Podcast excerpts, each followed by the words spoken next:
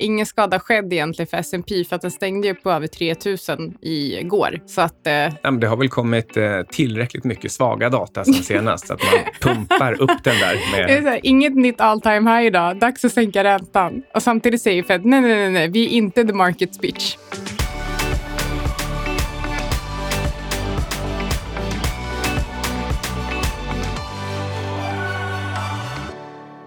Hej! Du lyssnar på Outsiders och eh, nu är hela laget samlat i samma land igen. Det vill säga Micke Syding och Anna Svan. Och sen har vi alltid vår osynlige Alexander Marton som fixar editering och eh, roliga ljudklipp. Han är vår... Eh, jag, tänkte, jag reagerar på att du sa osynlig, men jag menar du och jag är ju typ exakt lika osynliga eftersom att vi är sådana radioansikten, höll jag på att säga. Men Alexander Marton är ju vår eh, räddare i nöden och ser alltid till så att eh, avsnitten som vi spelar in sedan är lyssningsbara. Så är det någon ni ska tacka så är det honom. Och så vill vi också berätta att eh, försök leta upp vår feed på Anchor istället för Libsyn. Du tror ju inte att Spotify gillar oss. Ingenting tyder på det. Eh, de köpte ju Anchor och eh, vi eh, bytte plattform från Libsyn till Anchor och Spotify är typ enda plattformen som inte har plockat upp det än. Så att, nej men tre miljarder, att betala tre miljarder för, för det är väl ändå helt okej. Har vi någon sponsor? Vi är sponsrade av XBT Provider och vi har träffat Sofia från deras svenska kommunikationsteam och så här lät det då. Men Sofia, varför Norden? Ja, alltså vi har haft närvaro i Norden allt sedan vi listade bitcoin-tracken 2015 och sedan dess har vi känt ett väldigt stort stöd från en rätt unik investerarbas här i Norden. Eh, de nordiska länderna och kulturen som är här är ju oerhört mottaglig för en digital omställning och Sverige var väl ett av de första länderna att bli nära nog kontantlöst och därför finns det också en ganska god förståelse kring utvecklingen av digitala valutor och nya tillgångsklasser. Sen har vi en väldigt engagerad investerarbas här. Nyckelmått roadmappen för vilka produkter vi kommer släppa till marknaden baserar sig väldigt mycket på vad investerarna efterfrågar. Och en stor portion av den feedbacken vi får kommer just från Norden. Skulle ett resultat eh, av just det här, den här engagerade investerarbasen som ni lyssnar på vara att ni faktiskt har släppt andra trackers också? Ja, eftersom vi fick så stor, eh, stort stöd från investerarbasen när vi hade bitcoin så var ju nästa efterfrågade valuta var ju eter. Och den kom ju 2017 och det var ju efter en tydlig kommunikation från vår investerarbas att de efterfrågade den. Vad är nytt nu? Ja, så sent som i april i år så släppte vi två nya trackingprodukter till marknaden. En för Litecoin och en för XRP. De finns nu tillgängliga via NGM och deras moderbolag eh, Börse Stuttgart. Och hittills har vi sett ett väldigt stort intresse för att investera i dem. Och vad kommer härnäst? Ja, alltså än så länge kan vi inte prata så mycket om exakt vad som kommer framgent. Men eh, de produkter vi har lanserat i år är bara början. Vi har fler lanseringar som ligger i pipen under, under resterande delen av 2019. Men det som är nytt redan efter sommaren är att vi kommer att lämna namnet XBT Provider bakom oss till förmån för att gå upp och bli en, även en namndel av vårt moderbolag Coinshares och därmed heta Coinshares ETPs. Tusen tack Sofia och vi kommer få träffa dig lite mer längre fram också. Tack så mycket. Tack så jättemycket för det, XBT. Men Micke, är det något kul som har hänt i veckan? Mm, det verkar som att eh, brorsan till Pablo Escobar stämmer Elon Musk, eller om det är eh, Tesla kanske. De tycker att det är kul att bränna pengar där nere. Det är liksom som en sport, så de vill utveckla en, en, eh, en eldkastare. Det här ska e- Elon Musks ingenjör stulit som idé. Jag har två frågor på det här. Och den första frågan är, vad gör Teslas ingenjör hos Escobar? Det finns inget svar på det, men många har ställt frågan. Fråga nummer två. Varför utveckla en eldkastare när bilarna brinner? Hade det inte fungerat bättre med typ en tillhörande brandsläckare som följer med bilen när man köper den? Boom! Drop the mic. De kanske hade andra ärenden. Det var det skulle kunna vara. Men eh, okej, okay, så, så Musk bryter mot lagen och moralen på alla sätt han kan? Vi kan säga att det är ett, ett rykte så att inte vi behöver stå för det. Men det verkar... By the rumor, sell the news. Varför är det ingen som gör någonting? Varför kommer han undan? Och är det en trend man kan fortsätta att investera på? Ja, om man tänker på Lindy Effect så känns det som att han eh, verkar komma undan ett tag till framöver. Så det är väl bara att gå långt Tesla då. Motsatt eh, mot vad magkänslan egentligen säger. Det är väl lite sånt vi ska prata om också. Vi ska ju alltså egentligen snacka om att försöka tänka tvärtom. Men eh, inom det, på tal om helomvändning, Qantas Never Crashed. Känner du till det? Nej. Ja, det var en film som hette Snowman, Yeti, Rain. Rain Man. I den så, så säger han då Qantas Never Crashed. All airlines have crashed at one time or another. That doesn't mean that they are not safe. Qantas. Qantas? Qantas never crashed. Och i det här fallet så sa jag på Twitter Bitcoin never hacked, eller egentligen blockchain never hacked. Och vad sa vår eh, allra käraste Erik Wall då? Jo, Eric, eh, White Paper Knight Wall, han, eh, han skolade upp mig ordentligt och så berättade han att bland annat att 2010, då blev det så hackat i någon mjuk gaffel att det skapades 184 miljarder bitcoin. Det är alltså 20 000 gånger så många som existerar. Vad hände med dem sen? Det fick jag inget svar på, men eh, det blir väl intressant att, att få höra vad Erik har att säga om de här sakerna sen. Vi har ju faktiskt eh, tänkt bjuda in Erik igen till podden. Men för att återgå till eh, temat. Eh, försök tänka tvärtom. Och det är lite för att det är en sån marknad vi befinner oss i just nu. Vet du vad Jacobi Jacobi blir inverterat? det enda jag tänker på är när du säger, visste du att hängslen blir hängslen baklänges? Okej, men eh, Jacobi Jacobi, vi inverterar det. Då blir det också Jacobi Jacobi. Jag pratar inte spegelvänt nu. Och det här var matematikern som alltid sa invertera, invertera alltid. Ehm, och, han sa det här på tyska, men vi, vi tar inte det nu. Jo, få höra. Mm. Man muss immer umkehren. Okej, men så uh, invertera alltid. För det vi menar egentligen när vi pratar om att marknaden är bakvänd, det är väl så här, Feds inflytande, eh, om marknaden faktiskt är bakvänd och hur man ska hantera det och om det går att handla på. En sån sak som jag reagerade på och som jag skrev i förra veckans Insiders också och som vi tog upp i förra podden, det var det här med att urstarka jobbsiffror för USA, börsen faller för att folk inser att okej, då kommer inte en räntesänkning så tidigt. för att då var att ekonomin gick tydligen bättre, så då ska marknaden tydligen ner. Det är bakvänt. Ja, det är bakvänt. Det är så men, konstigt. Men, eh, men egentligen är det ju superlätt då. Eftersom det alltid är bakvänt så är det ju bara att handla på det sättet. This market is so easy. Var- men, men på tal om, men alltså nu, nu kan man väl också säga så här, ingen skada skedd egentligen för S&P för att den stängde ju på över 3000 igår. Så att, eh, Ja, det har väl kommit eh, tillräckligt mycket svaga data sen senast så att man pumpar upp den där med... här, inget nytt all time high idag, dags att sänka räntan. Och samtidigt säger Fed, nej, nej, nej, nej, vi är inte the market's bitch. Man bara, okej. Vi går vidare med att Hexagon, den gick ju jättesvagt på en vinstvarning. SE-banken häromdagen gick upp riktigt mycket på ganska bra räntenetto, alltså klart bättre än väntat. Så, så marknaden gör ju inte alltid tvärtom. Nej, Det är ju skönt det, men det kanske är enklare med hela marknader än enskilda case. Mm. Och det kanske, är, det kanske är också därför som det är så himla svårt att egentligen till exempel ha en makrohedgefond. För enskilda case, det är lättare att säga och förutspå hur de kommer röra sig på särskilda utfall. Medan hela marknader, det är så komplext och det är så mycket data som spelar in att olika data får olika mycket betydelse vid olika tillfällen. Ja, men det kan det, så kan det absolut vara. Jag har bara tänkt att redan på de enskilda casen är det ju egentligen omöjligt. Ja, det är alltid svårt. Marknaden är inte och ska inte vara enkel egentligen, så det är väl därför kanske det är kul att se alla som tycker att eh, de är skitduktiga investerare för att de började köpa aktier 2009 eller 2010 och så har det gått jättebra. För de har haft fem bolag i portföljen och de har kört köp och behåll och så har de slagit OMX. Det är helt sjukt. Shit, ni är så duktiga stockpickers. Eh, Eh, men oavsett om man, om man tycker att det är jättelätt, man bara hakar på, eller om man eh, lurar in sig själv till exempel, att det är just en eh, tvärtom-marknad. Och sen visar det sig att nej, men den är ju faktiskt inte helt och hållet tydlig, alltid bakvänd. Då kan man ha råkat på en plats där man gör massa förluster på att ta positioner som man inte trodde på från början. Nej, exakt. Och det är väl, eh, så det är väl kanske också en viktig lärdom att även om vi sitter och säger att marknaden är bakvänd så handla, handla tvärt emot eh, vad du tror så vill du definitivt inte stänga en förlustposition för att du kanske, jag vet inte, långade Tesla fast du egentligen inte tycker den är värd mer än noll och sen förlorade pengar på det. Det känns som en riktigt dålig idé. Så du ska fortfarande se till att göra en analys och ta den positionen i den riktning som du tror på. Men eh, den stora lärdomen här kanske är att eh, analysen kanske bör vara mer noggrann och ta hänsyn till fler faktorer än, eh, än de enskilda som du tittar på på. Man måste inte konstatera huruvida eh, saker är logiska eller motlogiska. Däremot så kan man konstatera att marknaden är extremt nyhetsstyrd och att nyheter också har kommit att betyda enstaka tweets, trots att, att, att man vet att det kan lika gärna komma en, en mot-tweet bara lite senare.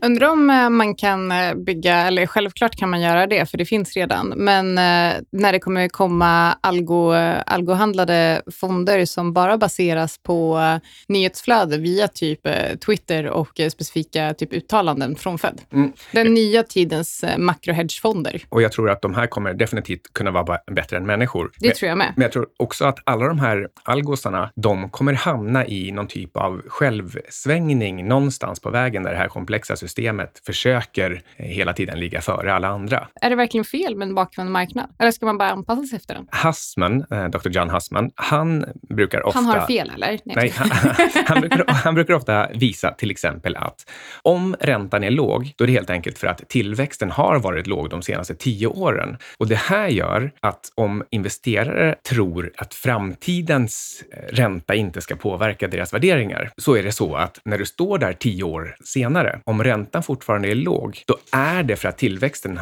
blev dålig de tio åren. Så ska man alltså aldrig betala låga eller höga multiplar. Det finns en, en cykel som egentligen inte borde finnas där. Samtidigt så vet man att, att folk handlar så att det blir så här. Och då måste man väl kanske ta hänsyn till det i alla fall. Så du menar att det finns massa investerare som egentligen tycker att låga räntor ska ge höga multiplar så att det blir lite självuppfyllande? Men vad kan man göra då? Ska man bara handla till höga multiplar och så bara blunda? Så här, nothing to see here. Och, eller, eller ska man bara skita i och tycka, titta på multiplar och bara titta på trend? Teknisk analys, det verkar ju funka nu. Det har funkat ganska länge. Men det finns ju också alternativ. Man kan ju göra det här med, med eh, motsatshandeln. Den kanske funkar bättre för marknaden än för enskilda bolag. Det var åtminstone så vi gjorde det när jag jobbade på hedgefond. Om man vill lära sig mer om TIA eller hur man kan använda TIA som komplement komplement till kanske mer långsiktig strategi så kan man faktiskt lyssna på vårt förra avsnitt, för då pratade vi om exakt det. Men eh, okej, okay, men man kan göra lite andra grejer. Man kan handla med skyddsnät. Mm, eh, vi pratar om puts. Alltså säljoptioner. Och hur gör man det då? En är alltså då att du helt enkelt bara köper puts, alltså köper säljoptioner för marknaden. Eh, så att om marknaden faller, då kommer de här eh, gå in the money som det heter och så tjänar du pengar på dem.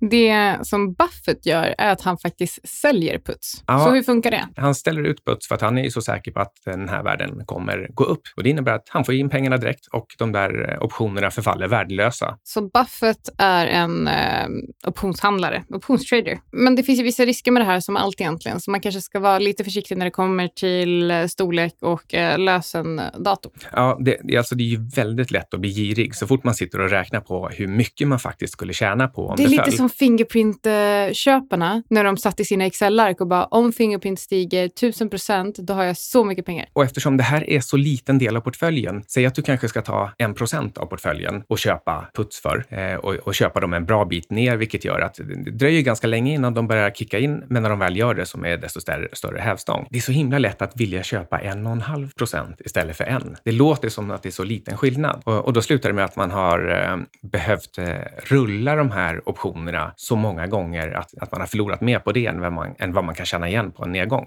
Vi har faktiskt diskuterat det här lite på kontoret och de har sagt till mig, men Anna, du borde, du borde handla liksom med puts. Och då har jag sagt att nej, men det ligger faktiskt helt utanför min strategi.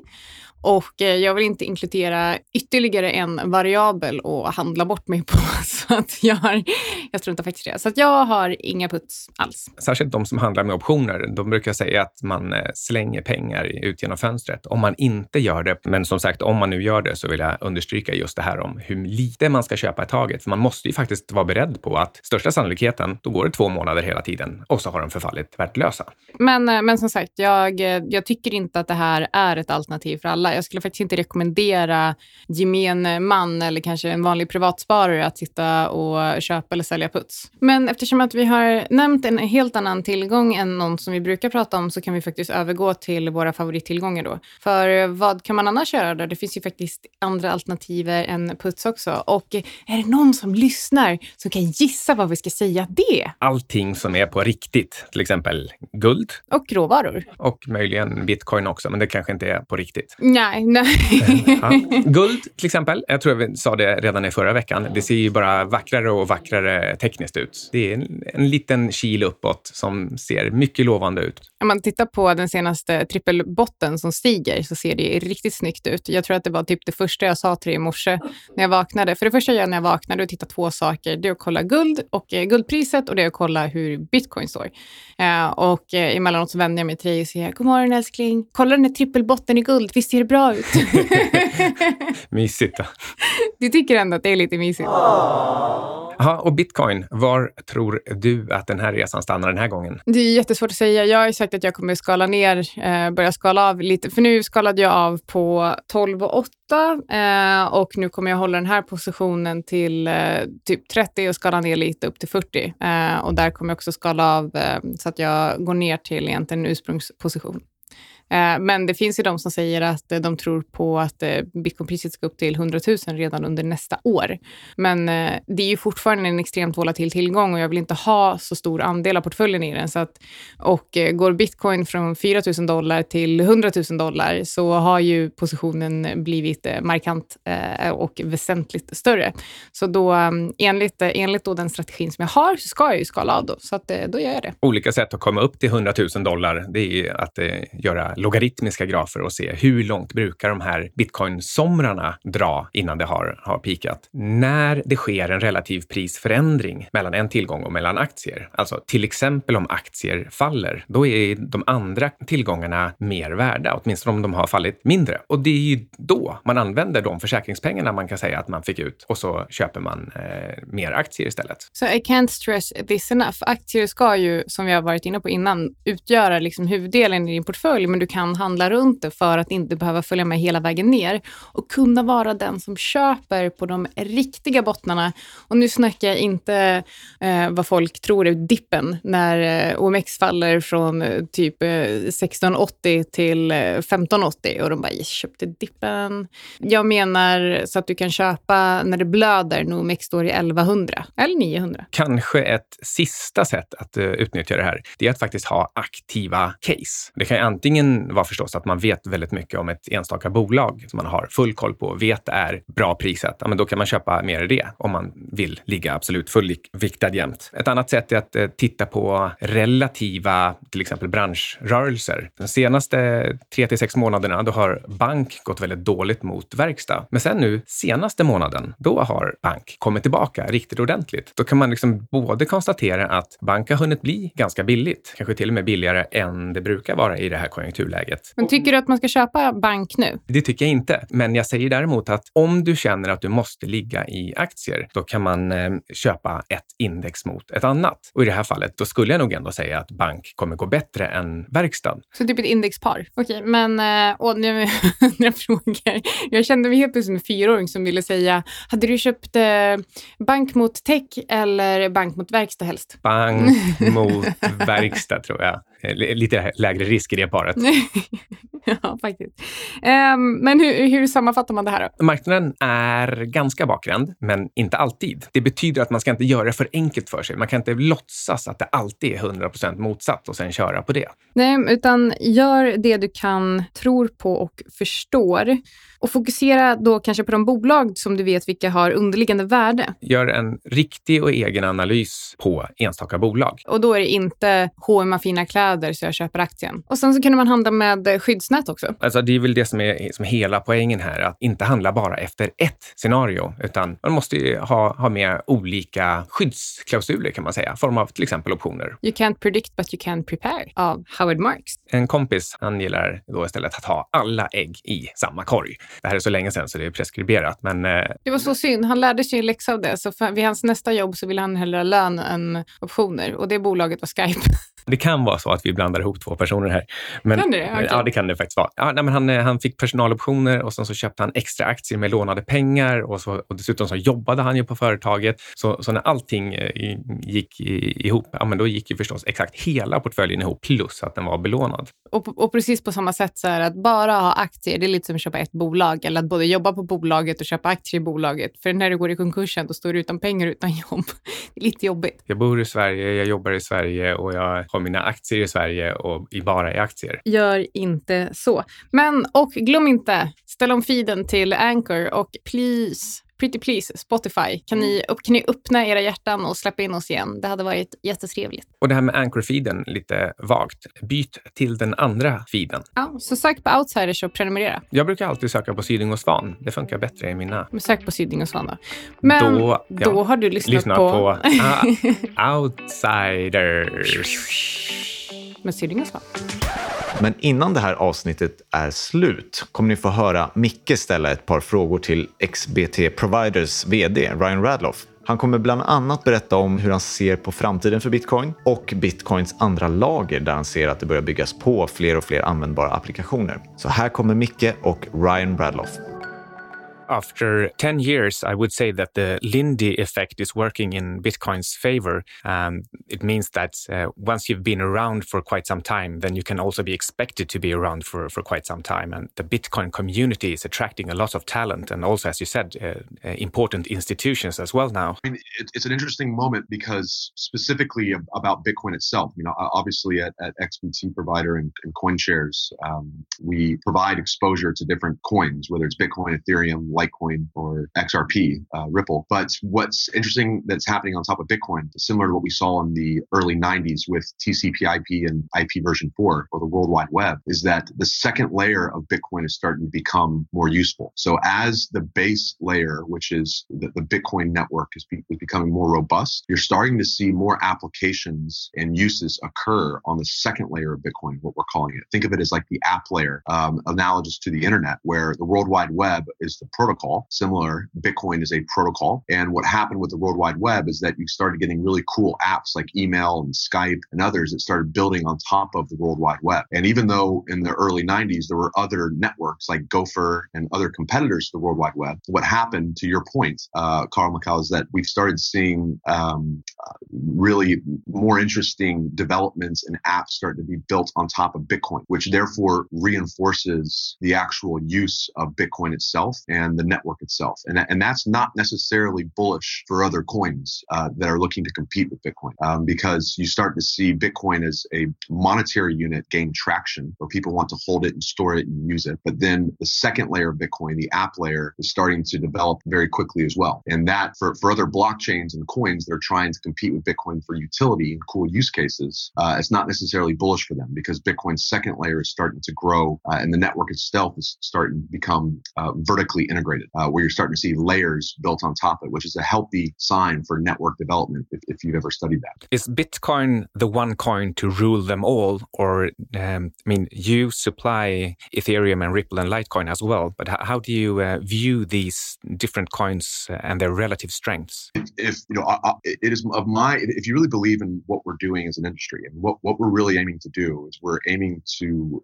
build the democratization of finance again and build a global financial network that uh, enables people to use money quickly, easily, and digitally. Um, I, it, you know, when I look at this, I really believe in a Darwinian natural selection approach. We we have to have, in order for us to compete with central banks, in order for us to compete with the United States dollar, uh, and even gold, gold itself, um, we need to have all of these coins competing with each other, uh, and the best technology will emerge from that thriving competition just like natural patterns of evolution or anything else in physics or uh, or anything else that we know in, in, in evolution and, and, on Earth. So, you know, in my opinion, what we're starting to see uh, is just I look at the data, and what the data is telling me is that Bitcoin's network is growing faster than any other network we see, uh, and the second layer of Bitcoin is growing faster uh, than any of the other networks on the peripheral that are competing with Bitcoin. So, effectively, you're starting to see this Lindy, this network effects take over over. Um, it's too early to say that Bitcoin will be uh, a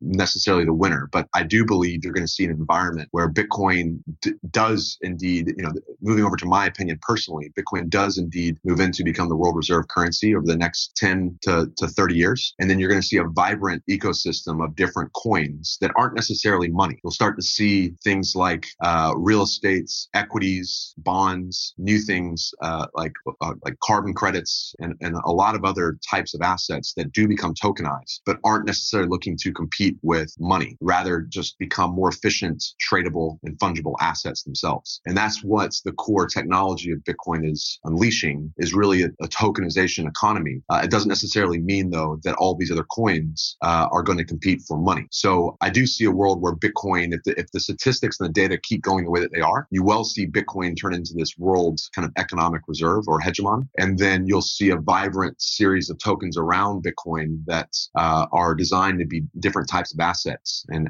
and not necessarily money. So the data is saying that Bitcoin is winning. It's too early and you know, it's healthy to have this natural selection. So personally, not investment advice. Uh, I own them all. Um, and, you know, am letting this Darwinian kind of natural selection play out. But the data is certainly showing us that Bitcoin is not losing its ground uh, at all in terms of its market dominance. In fact, it's starting to uh, increase in its in its market dominance.